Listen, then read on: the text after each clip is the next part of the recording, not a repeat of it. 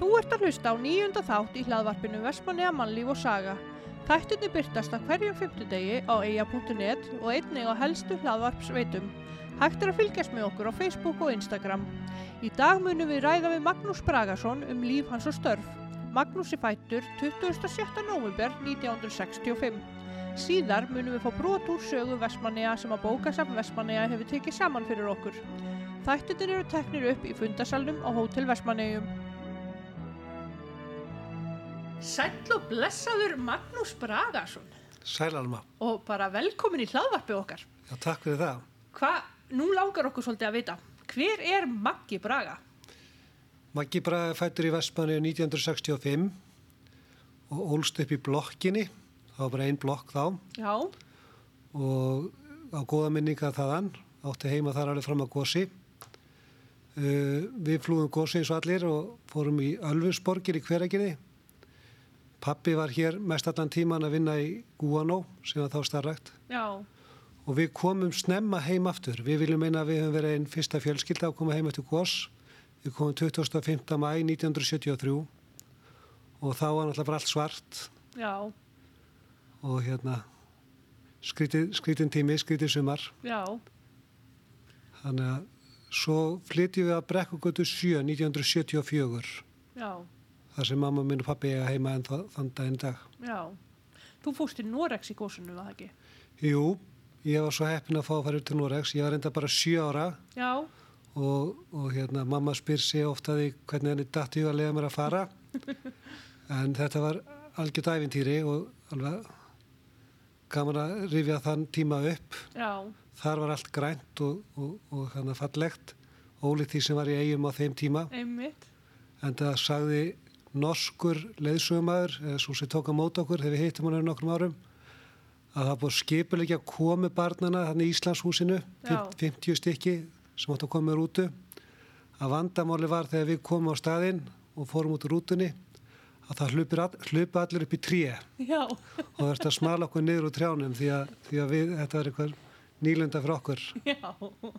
Alveg frumstætt að sjá okkar tré bara hana. Já, þetta var rosa fallegt og skemmtilegu tími Já, ég var líka með vinnum mínum og, og hérna þannig að þetta var, þetta var gaman já.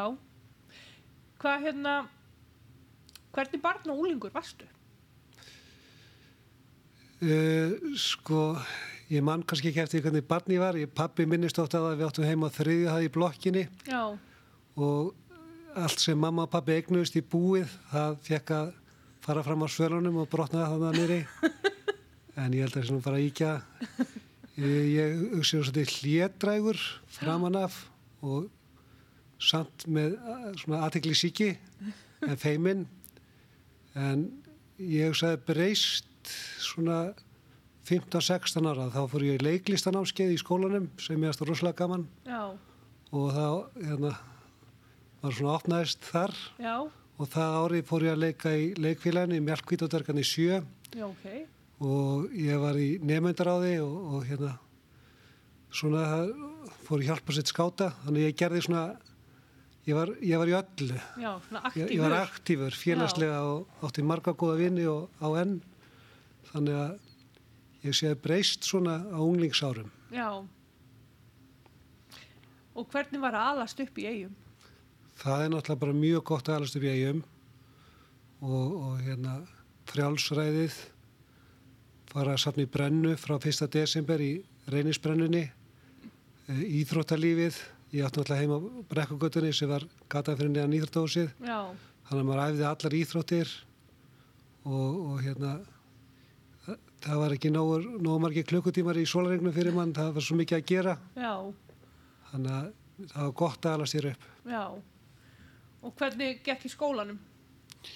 Ég átt alveg eh, svo sett gott með að læra ef ég nefndi því Já, en mér finnst mjög þessi góð þessi umræða sem er núna um stráka í skólakerfinu mm ég hugsa að skólinn hafa bara gett ég hafði gett mikinn áhuga á honum já, ekki fyrir en ég fór að læra markvist að ykkurju já, þá fór mér að ganga vel ég átti alltaf öll með starffræði mm, en ég sá enga tilgangi að læra dönsku og, já, og sumannu fög en, en hérna þannig ég var engin afreiksmaður í skóla nei. Og ertu sérst ekki góður í dönsku í dag? Jú, ég leik mér stundum að því þegar gestinni kom á hótelið að að bu- bulla svona á dansku. Ég, ég, hérna, Og kannski lært svolítið norsku þegar þú varst í Noregi. það er svolítið ég svipað. sá frekar kannski Andresblöðin sín tíma. Já. Viltu segja okkur hvernig lífið var í eigum þegar þú varst ungur og alast upp? Já, það var hérna, pappi var mikið í kringum íþróttinnar og starfaði mikið þar. Þannig ég fór með honum, í- var, var þórari, fór í Dalinn þegar þó sjöðatýr að vinna og, og, og hérna, sjá, var sjálfur ekkert mikið í íþróttum, var ekkert, var ekkert mjög góður í fótbolta. En þegar íþróttahúsi kom þá fór ég að æfa handbolta, var í marki, gekk mjög vel þar og, og hérna, já það var bara alltaf eitthvað um að vera. Það var, það var hérna, ég fór í útegjar með pappa út í Hellisei, ég er Helliseiingur. Mm. Þannig að Manstu hvað var skaman þegar þú fórst fyrst út í útegi? Já, út í hellisig. allir ekki verið átta ára, Já, við minnir það. Og ég seg, það heitir að síga í sám, það er svo erfitt bjargsig, ég held ég að vera 11 ára þegar ég seg það. já, ok. Ég hugsa að börn 11 ára fá hann ekkert að fara það sig núna. Já, og hérna, Svolítið breytti tímar í þeim ára. já, Já. og ég var sjálfur skítrættur um strákana mína, það, það er betra að ég fóru með afa sínum út í eigu heldur en með mér. Já. Ég var svo tögaklæður. Þar fóru við í eggjatöku mest, fóru alltaf í eggjatökuna. Já, Ég var ekki mikið fyrir að veiða lunda. nei, Það kom svo setna að ég fór að verka lunda eftir ég lærði að vera kjötiðnaðamæður. já, ok. Þá verka ég megnið af lundanum hér í eigum Já, með því að hamfletta og reykjan. Þannig að það var svona mín, mín, nálg- mín tenging, tenging við út, úti, úti af lífið. já. Varstu ennþá í því? Nei, ég hætti því í 2010. Ég var mjög ánæður með ákvörðun okkar veiðimannana Mm. að draga úr og hætta að veiða lunda þegar stopnin fór að gefa eftir. Já, Mér finnst það flott ákvörðun og töff einmitt. og hérna ég vona bara að við höldum því sem lengst að vera ekki að byrja veiðan aftur. Já, Leifa stofnunum að njóta sín. já. Já, er ekki bara ve- verið að veiða eitthvað svona uh, nokkuð stykki á ári? Jú og ég, held, ég myndi vilja Bara, bara, rétt svo í eitt pott eða svo? akkurat, það er bara gott. Já, nei, ég er mjög sátt í þá uh, ákvörðun sem að þið hafið tekið. Því að maður vill alltaf hafa lundan. Já. En finnst þið vera mikil breyting á lífinu í eigum núna og, en þegar þú varst ungur? Já, mér finnst það betra í dag. Ok, Mér finnst eh, það þrýfst meira mannlíf. Það er svona, ok, það var svona kannski staldið um einelti og, og svona meiri hörku. mm. En við erum upplýstar í dag og, og hérna það fá allir að njóta sín finnst mér. Mér finnst hérna, það er líka gaman að sjá hvað ferðarþjónustan hefur gert fyrir samfélagið. Allir þessi flottu veitingastæðir sem við erum með og söfnin og það að fá alla þessa gesti til okkar gerir mannlífið miklu skemmtilegra og hér á árum áður þá tæmdist eigin alltaf eftir þjóðatíð fristihúsin lokuð í ágúst mhm. þannig að hér er bara tómi bær já, en núna er bærin fullur af lífi og, og hérna sumar er alltaf að lengjast ferðamanna tímabilið já, og, og mér, finnst, mér finnst skemmtilega að búa í Vestmænum í dag mér finnst svo mikið um í, það er svo mikið frambóða öllu þú veist, mann geta stund að kóra starf jóka, líkamsrækt og, og hérna það þarf engum að leiðast nei. Finnst þér eitthvað ábútavant í eigum? hmm. fá unga fólki heim Já, Það er stóra málið, við meðum ekki eldast svona, það er hættuleg þróun já. og ég vil bara, og það er gaman að sjá fólk í kringum, fætt svona í kringum 1990 Mhm. sem er búið að menta sig, koma aftur heim Já, og ég vona að svo þróun haldi áfram. já. Hvað finnst þú að hafa grætt á því að allast upp í eigum? Því að frelsið og það að komast og fara að vinna ungur, ég var held ég 11 ára þegar ég fóð með grími kokki að vinna í Óskari Matt í nöfinni Já, Ég held að það er gott fyrir ungt fólk að fara að vinna snemma með eldra fólki og, það, og hérna, vera samt í þessu frjálsaræði já, og, og, og geta skapa sér svolítið. Ég held að, ég held að það hefur mótað mig að, að, að hérna, það er svo gaman að skapa já, og, og gera eitthvað. Og það er auðvelt að, vera, það er auðvelt að skapa í eigum. Já. En hvað ertu að gera núna? Nú er ekki hótelið, búin að, er að klára mitt tíunda ár. Já. Ég kefti hjólbaragstæða pappa sem ég hef búin að vinna með í 25 ár, Mm. 2006 og rak það sem sagt, sjálfur í, í 5 ár. Það var náttúrulega hrun eins og allir þekkja Já, já. og reksturinn var í erfileikum Mm. og ég var að lappa heim úr vinnu einu sinni af dekkjafstæðinu, kom við hjá Viktori Rakara, skuldaði mig pening fyrir klippingu og lappa fram hjá hótelinu og er svona, mér er litið upp til hótelsins og var að spá í svona, nú var au, auki ferðamannaströymi til Vestmanneja og þegar ég lít niður aftur þá stendur Gillivali beint fyrir sama mig og segir, viltu bara ekki kaupa hótelið? Já. Það hefði ekki kvarlað að mér, ég var ekki á á þeim byggsunum. Hann bauði mér í kaffi inn og við settum sérna og spjöllum lengi og hann sagði mér frá því að hann var að reyna að selja hótelið. Já. Og ég kem heim í helli og segi öllu, heyrðu, Adda, við erum að fara að kaupa hótelið. Og þá segir hún og komir óvart, ég er til í það. Og svona vatt boltinn undan sér og, og hérna, þetta, uh, við fórum að skoða þetta alvarlega og alvarlega og, og hérna, til þess að gera langar sögust upp það, þá þreymum mánuðum setna var ég búin að kaupa hótelið Já. og hann búin að kaupa mér dekkjagstæðið Já, ok. og það byrjaði nýr þáttur í lífinu árið 1. janúar 2012 Já. þegar ég settist hér í vinnu og vissi ekkert hvað ég var að fara að gera mér fannst ég lélur, ég man ég var andvaka nóttin áður af því að mér kveið svo fyrir að ég kunni ekkert í ennsku Já. og ég bara svona hugsaði hvaða rugl er ég búin að gera en þetta voru ótrúlega skemmtilegu tími Já. og þetta er svo þetta er svo hérna holdt fyrir mann að ráðast á garðin þar sem var, hann er hár Já. og, og hérna og reyna á- á ný svið Já. ég var hann hundlegur að dekja ástæðan og búin að vera þar í 20 og eitthvað ár Já, já. og ætla ekki að vera svona lengi þar Já. en hérna það er líka svo gaman að hafa tekið þátt í þessari umbreytingu sem er búin að vera núna síðustu tíu ár Mm þú, þú eh, komst nú með ripsafari Alma Já, já. og þegar það er að vaksa þarna á svipuðu tíma gott, slippurinn, tangin, einsi kaldi öll þessi aftreying söfnin það gerðist svo mikið á svipuðu tíma og, og hérna og við hjálpum stað, það er Já. góð samheldni í ferðan þjónustunni og gaman að starfa með samkettnisaðlum Mhm. í því að byggja upp ferðjónustunni Vespunum og Já. mér finnst okkur að tekist vel Já. Mér finnst líka að við hafa mætt skilningi bæjar yfirvalda og þau hafa tekið þátt í því að markasetja versmannar með okkur Já. og, og sem ég tel allir munu græða á á endanum. Einmitt. Sérstaklega eftir að við fórum að reka Herjólf, þannig alltaf fyrsti penningurinn sem kemur frá ferðamanninu með fargjaldi í Herjólf, Já. sem kemur þá beint í bæjarsjóð. Einmitt. Þannig að þetta er búið að vera ótrúlega skemmtilegu tími. Já. Nú fór því rosalega endurbætur á hótelinu. Já, við keiftum hótelið, eins og ég segi, 1. janúar 2012 Mm og var það ekki nóg verkefni þá bættu við því á okkur að ég hitti Palla Sóf í sundi og hann segir Maggi þú er að fara að stekk hótelið Já. áður en einhver aðrir koma hérna inn á markaðinn Já. og ég tek svona undir það með Palla nema þegar ég mæti í vinnu morgun eftir klukkan sjö Já. þá var Palli Sóf mættu með s- langt málband og við fórum fyrir aftan hús og mældum og mældum og Palli teiknaði viðbyggingu á hótelinu og við fórum í að stekka hótelið áður en, áður, áður en árið var liðið sem var fyrsta, fyrsta rekstar árið. Já.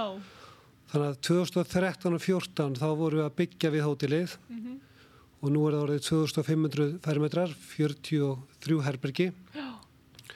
og hérna það var rétt ákvörðun en þetta var svakaleg vinna Já. og svakalegt átak að fara í Algjörlega. og ég hérna var búin að finna fyrir aðeins heilsubresti hérna áður sem ég taldi bara að vera stress og áhyggjur Já. og, og svo í miðju, miðju byggingunni að þegar við erum að klára þá kemur í ljós að ég greinist ég með Parkinson þannig að maður er komið nýtt verkefni til að takast á við Já. og ég held alltaf að þetta myndi ganga yfir en maður læra, læra að glíma við það Já. og mér hefur tekist vel að ég fundi út að hlaupin hafa hjálpað mér mjög mikið og hérna reyna að vera bjarsinn já, og trúa að læknavísindin komum við lausnina. einmitt. Þú eru mjög duglegur að hlaupa. Já, við Og- byrjum að, ég byrja, Adda byrjaði að hlaupa 2005 með Guðmundur Bjarnadóttur Já, og ég fór að elda þær til Reykjavíkur, ég ætla að gera 2007, þá ég engu formi já, og ákvaða að hlaupa 10 km bara til að taka þátt já, ok.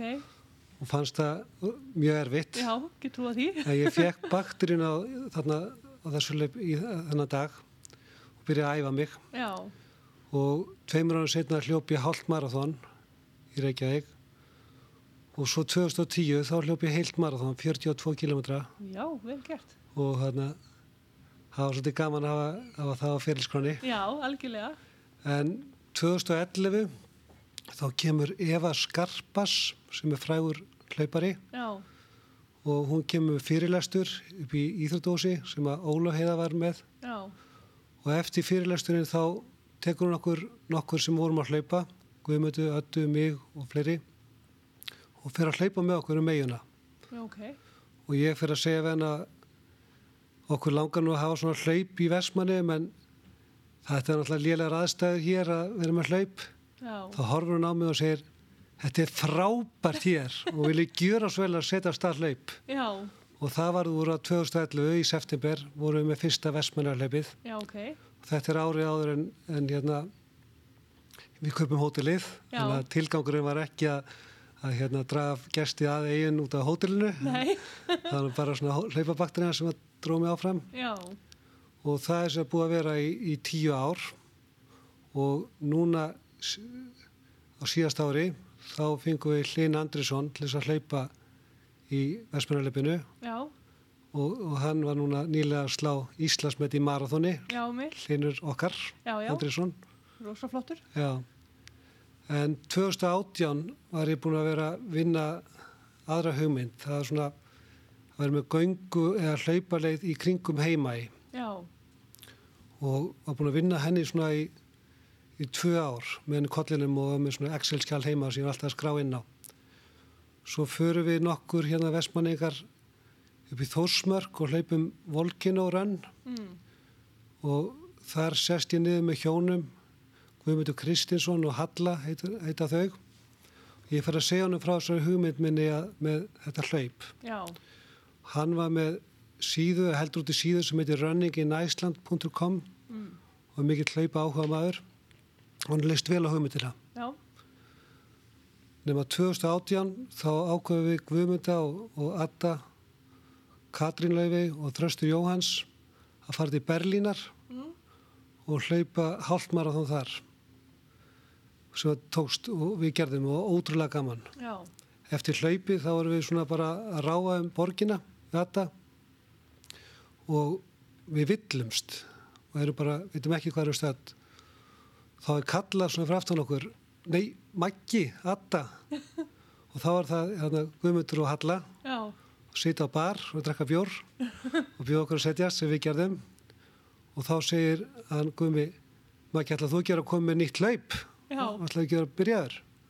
Og úr var að ég fór upp á hótelherbyggi út í Berlín, bjóð til Facebook síðu, The Puffin Run og sagði það er hlaup eftir mánuð, hverju vilja vera með? já, Og það koma 80 manns, 40 40 vestmanningar og 40 bara nokkuð frægir hlauparar frábært. og það þóttist taka svona vel og menn svo þið, þú er að gera þetta aftur Já, og við verðum helmingi fleiri 2019, 150 manns og 2020 í, í fyrra já, þá komið 330 mann sem hlupu hérna í miðju kóitinu einmitt, var mjög umdelt en við fundum það að fólk var glatt yfir því að við skildum standa fyrir þessu já. og, og, og hérna nú Og vel standum út hugsað út frá sóttvarnarreglum já, og já, öllu saman. algjörlega lágum yfir því og, búin að, Einmitt. le- og erum búin að liggja enn meira yfir því núna hvernig við getum látið hlaupi ganga upp núna 8. mæ Já, og, og hérna það miðast allt við að það séu svona hólf og Já. tekjumatregla en hvort við getum haldið það það er alltaf búið svolítið bakslæði COVID núna einmitt, en við ætlum ekki að halda það nema að það veri fimm- um, 50 manns eða fleiri með að koma saman já, og nú býðum við bara vonar Já, krossa puttana. krossa bautana. Já, ég- ég koma nýja reglur, hvað, 5. mæ held ég? Jú, og við vorum vongóð um að þar myndi vera liðka til Já, en núna erum við ekkert alveg viss. nei, nú er Þar að það. við, en við vonum. Já, Og Nei. það eru 1100 manns gráður í hlaupið. já, Við lokuðum fyrir þegar það var konið 1000 já, en þá eru nokkrir eftir að þetta er, það er líka búið upp á bóðhlaup já, og það voru kannski tveir og þrýr búin að skrá sig úr sveitinni og það Já. verður náttúrulega að taka hina einn sem að átti eftir að bó- bóka sig já, hana. já. Þetta er bara frábært framtak. Já, Þannig að það er í rauninni nóg að segja bara við þig, Maggi, hérna, Maggi, hérna, viltu ekki bara gera, viltu ekki byggja bara höll í versmanum og þá bara ferð þú og, og gerir það. ég er sko, ég er Kaupir kannski svolítið... Já, já, stakkar það og svo fer ég og, og býr til hlaup þannig að mér líst vel á þig takk fyrir það alveg.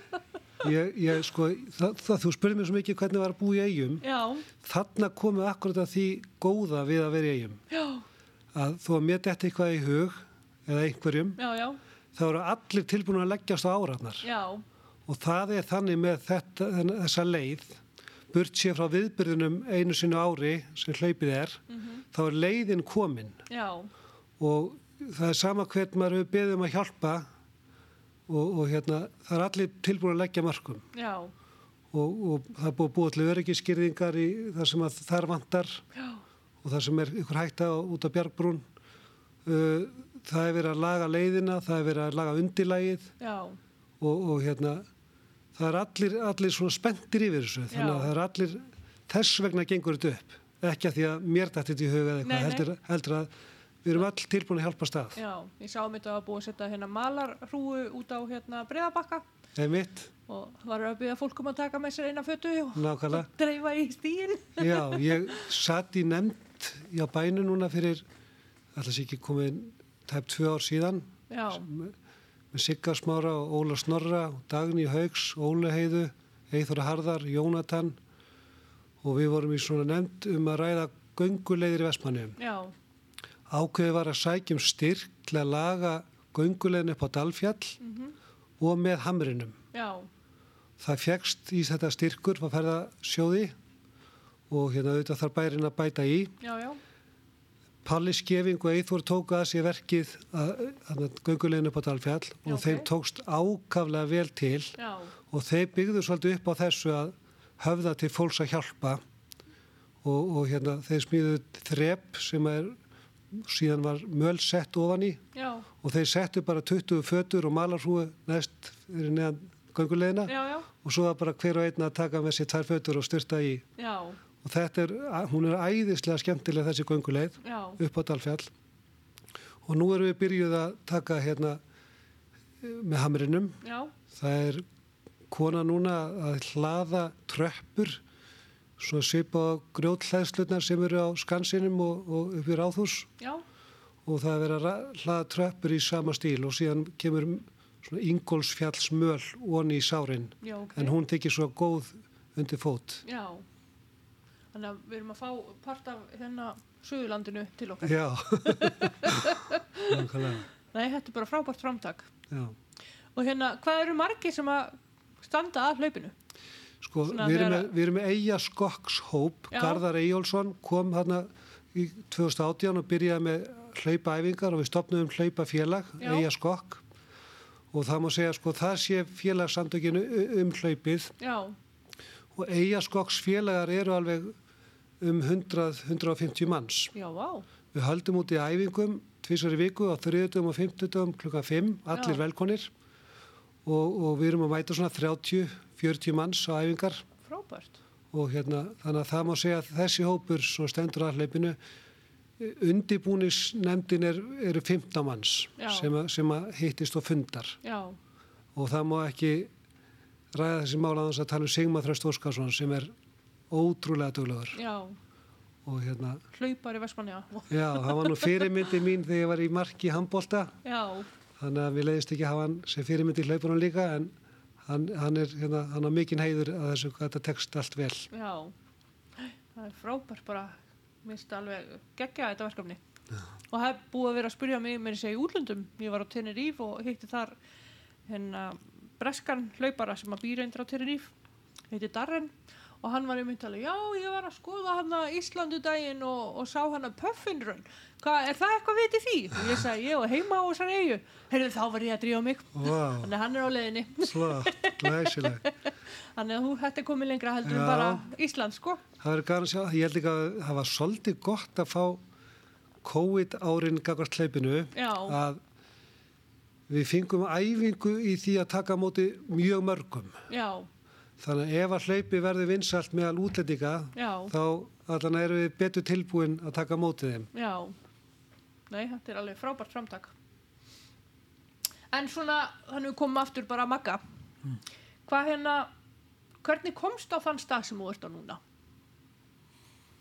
Í- Ég hugsa að maður hafi verið bara alveg þannig upp að, að maður á að bjarga sér Mm. og ég fekk gott uppeldi og góða fóreldra.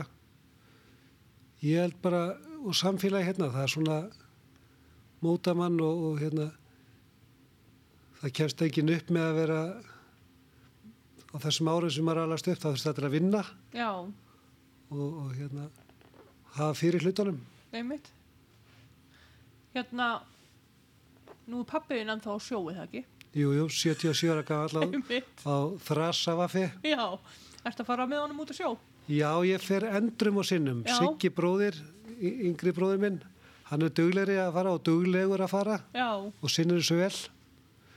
Og hérna, en, en hérna, já, mér finnst- mér finnst opbúslega gaman að fara og ég skil pappa að stunda þetta og, og hann er alltaf þræl mikill kraftur í kallinum. Já, hann, er, já. hann er kannski að koma með 2 tonn í land, 2,5 tonn í land dugnar í eftir, honum eftir þr- þriggja tíma veiðiferð. já, það er nú ekki slæmt Nei.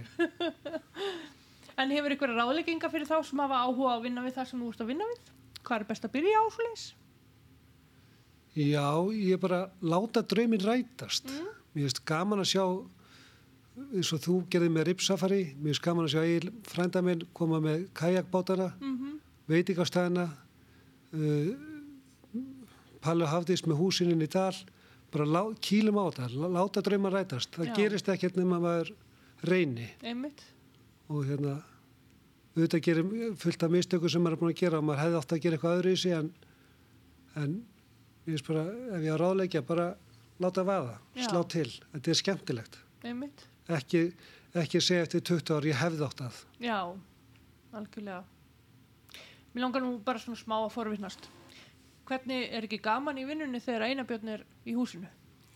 Einarbjörn, maður sé það sko þegar, að- þegar að hann fer um salin full, fullan sal af, af gestum og getur djókað í hverjum einasta og það er líka búið að frábært samstarf hjá okkur einari því Já, að Þegar að ég er að ákveða það að kaupa hótelið þannig að í loka árs 2011 þá tala ég veinar og, og ég þurfti að hafa mikið fyrir því að fá hann til þess að vera með veitingastæðin hérna niðri mm, og hann er líka að ljúka tíund árinu hann er búin að Já. vera í jafnleiki, við erum búin að eiga í samstarfi öll þessi ár já, og búin að rúslega gott að vinna með honum og hann er metnaðargjarn, metnaðarfullur vil gera hlutina vel og hann hefur tekist mjög vel til einmitt. og hann er skemmtilegur, hann er mikil performance Já, já, það var góður í leikvélaginu en hérna og það líkar allir svo vel við hann það verður svo skemmtilegur andi í salnum þe- þegar hann er á staðnum já, þannig að ég skil vel að Heimir Hallgríms hafi fengið hann með fótballtalansliðinu og hann á öruglega sinn þátt í árangrunum sem náðist þar já. Klárlega. Nú látið liðið vinna bara. já, Ekki bara að gefa þeim að borða. nei En hvað hérna, hvað er stæðsta prakkarastriki sem þú hefur gert?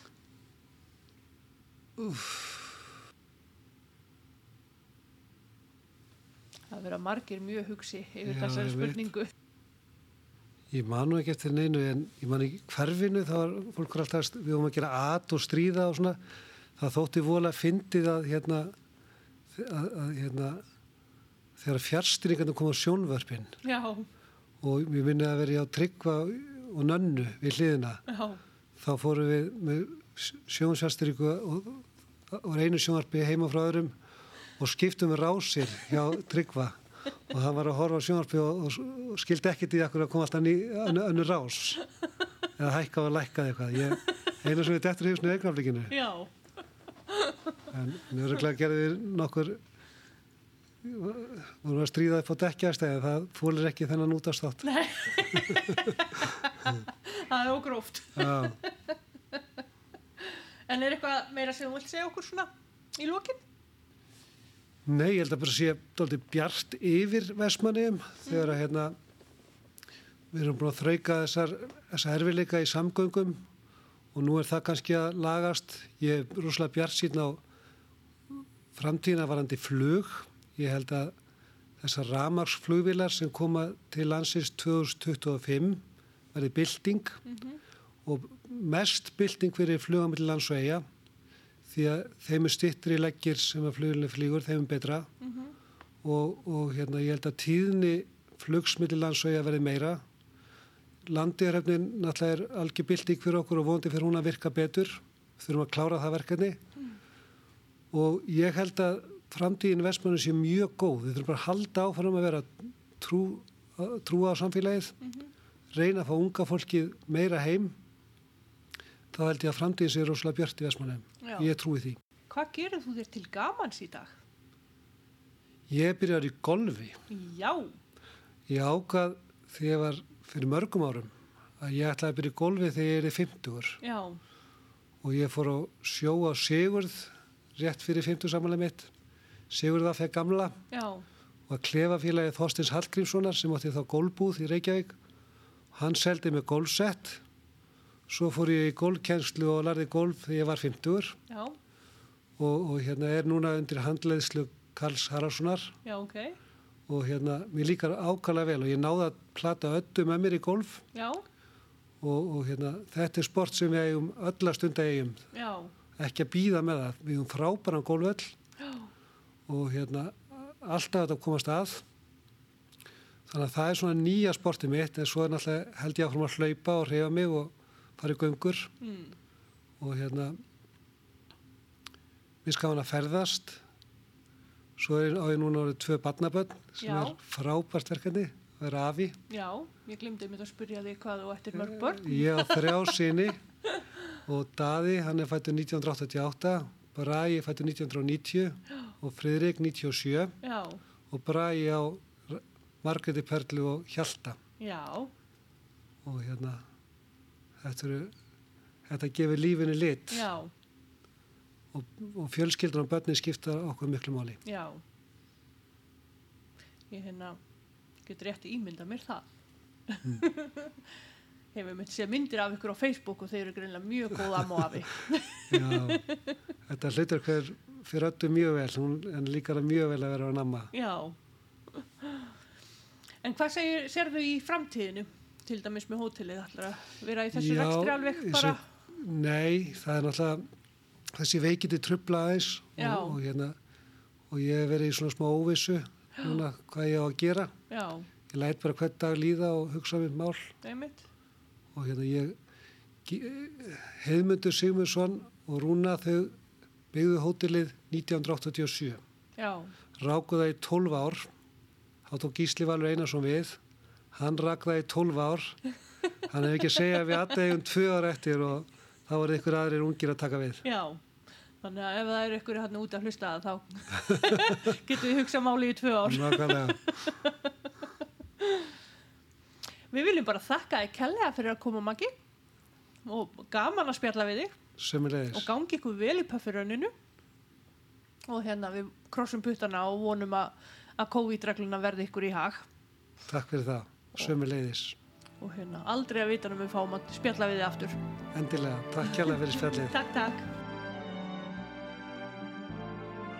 Nú fáum við að heyra viðtal sem að þreminninganir úr stjórn Vestmanniðafélagsins heimaklettur tóku upp á árunum 1953 til 1954 og að þessu sinni er viðmælandi þeirra Engilbert Gíslason listmálari sem fættur var 12. oktober 1877 og lést 7. desember 1971. Þess má geta að í stjórn Vestmanniðafélagsins heimaklettur voru þeir Árni Árnason símritari frá Grund, Eyjólu Gíslason frá Bessastöðum og Filipus Árnason í Áskarði. Þetta sögubrót er í bóði bókasaps Vestmanneia. Hægt er að afla sér nánari upplýsinga um fyrrnemt fólk á heimaslóð.is.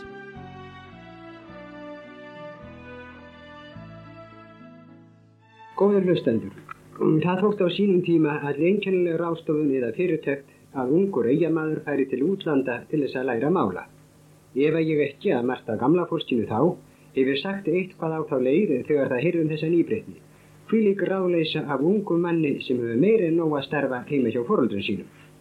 Já, það mætti líka segja mér að gamla fórstinu hafi virst sem engilbætt í hlasinni og fóröldurum hans hafi ekki verið sjálfrátt þegar ákveðið var að hann færi utan til náms í málara yðin. Í þann tíma var aðeins um tvær megin leiðir í atvinnu að fara hér, sem sé sjómennska og búskapur. Aðeins örfáir hlutur það hloss að geta orðið vestlunamenn en um yðnaðamenn var ekki að ræða. Allur megin torri ungra manna hér átti því ekki mannað að velja en verða sjómaður í viðjum erlendra kaupmanna eða taka við búskap ferra sinna sem varast hvað talist til stóru búskapar. En Engilbert Gíslasson málaramistari verð ábíðin og let ekkert aftur sér fá að læra og fara auðta. Og nú eru við þrýmenningarnir úr Vestmanneigingafélaginu heimaklettur, stattir heima hjá Engilbert Gíslassinni og ætlum að byggja hann að segja okkur eitthvað frá tildrónu til þess að hann fór að læra þessa yðin, segja okkur frá námsárum sínum ytra, lífskjörum þar og öðru fleiru viðkomandi málara yðin hans fyrir og síðar. Að venn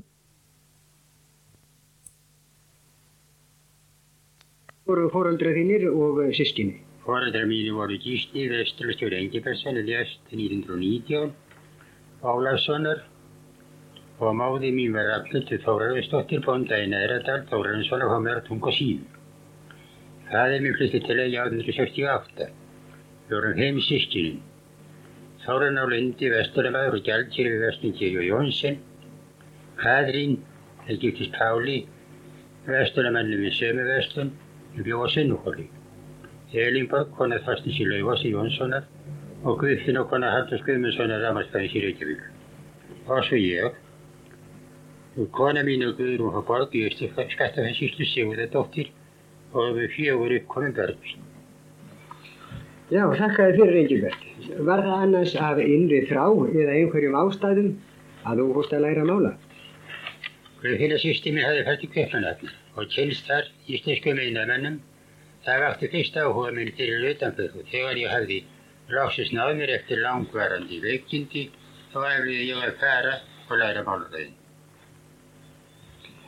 Var þá ekki um aðra atvinnu að ræða hér sem að hendaði betur, til dæmis vestunastar hjá föðurinn?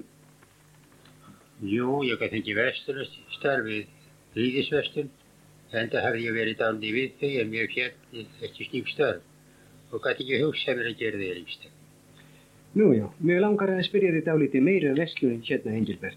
Var nú samt ekki stundum tilbreytingar samt og skemmtilegt við vestlunastörfin áður fyrir? Mér þótti að ég vil eitthvað ekki, nema helst á kvöldtíðinu. Þá hafa náttúrulega verið eh, hér bændur af fastalandinu til þess að kaupa, til kaupa á nöðsynu sínum eins og eh, fyrir, fyrir meir týrkaðist. Já, það var samt kvöldur landmanna öðs í búðinni, það var lauðingar frá meginlandinu, landegi og eigafjallasendin, komið þá stundum mörg skip samt dagus. Já, eh, þá hefur verið nóg að gera hjá ykkur í vestununum. En segðu mér Engilbert, eh, hvernig var það með þessar svonendu búðarstöður? Þær tikkuðust enganlega á haustin og vetravertíni, þegar landlegur voru. Þá hópuðust menn niður í búðina til að rappa saman, fá almenna fjettur og jöfnum kankast á. Já, búðurna voru eiginlega nokkurs konar samkomustæði kallmanna þá. Var eh, vínsalan líka og gleðskapur mann á villi, hún hefur náttúrulega verið það tölvöld mikil. Já, það var allast að fjör í kvöldur, mikið skrafa og gett á ganni sínum. Já, ég minnist til dæmis e, þegar að Sigmundur Beikir kom inn og sagði við Pétur Faktur Bjarnason eitthvað á þessa leið. Pétur setur haft í höllu í helvítana krá og þar sem að Pétur ekki gæti botna þá gæti við einhverju fram í, í eh, búðinni. Þetta var nú reyndar Árni Níelsson skáld og sagði en Sigmundur er allt í öllu anskotanum hjá. Já, það var sagt að allir þessi höfðu fengið vel borgan greiðan hjá Pétur Bjarnason. En uh, var þetta nú ekki svona að mestu látið afskipta laust að faktornum þó að með stæði þetta inni læðir og reyðir? Jú, þeir letu það mikið til afskipta laust. Þó held ég að þeim hafi verið illa við allar búðastöður. Ég menn vel eftir að faðið minn gerði talsvöld til þess að fá menn til að hætta þessum ósið sem hann kallaði svo. Jáhá, en uh, hvernig dekk það svo til á sumrin í vestunum? Var ekki haldið aukt yfir öllu þá? Nú það var mjög dögverstinn því ekki voru menn að kaupa daglega verður heldur dýrkast að kaupa í slöttum. Þess vegna var þó fólki líka að fara varlega í vestum, það er kaupjuta var oft lítil, þá tómstusmannum og almenningi yfirleitt. Jáhá, ég hef hýrt það. Og kaupgetan hefur auðvitað eh, farið eftir aflaðhlutanum sem var víst æði mér sérstundum. Já, og þegar hluturinn var innan við hundrað yfir vertiðina, þá mátti fólk halda vel á öðrum og verst ekki að óþörfum.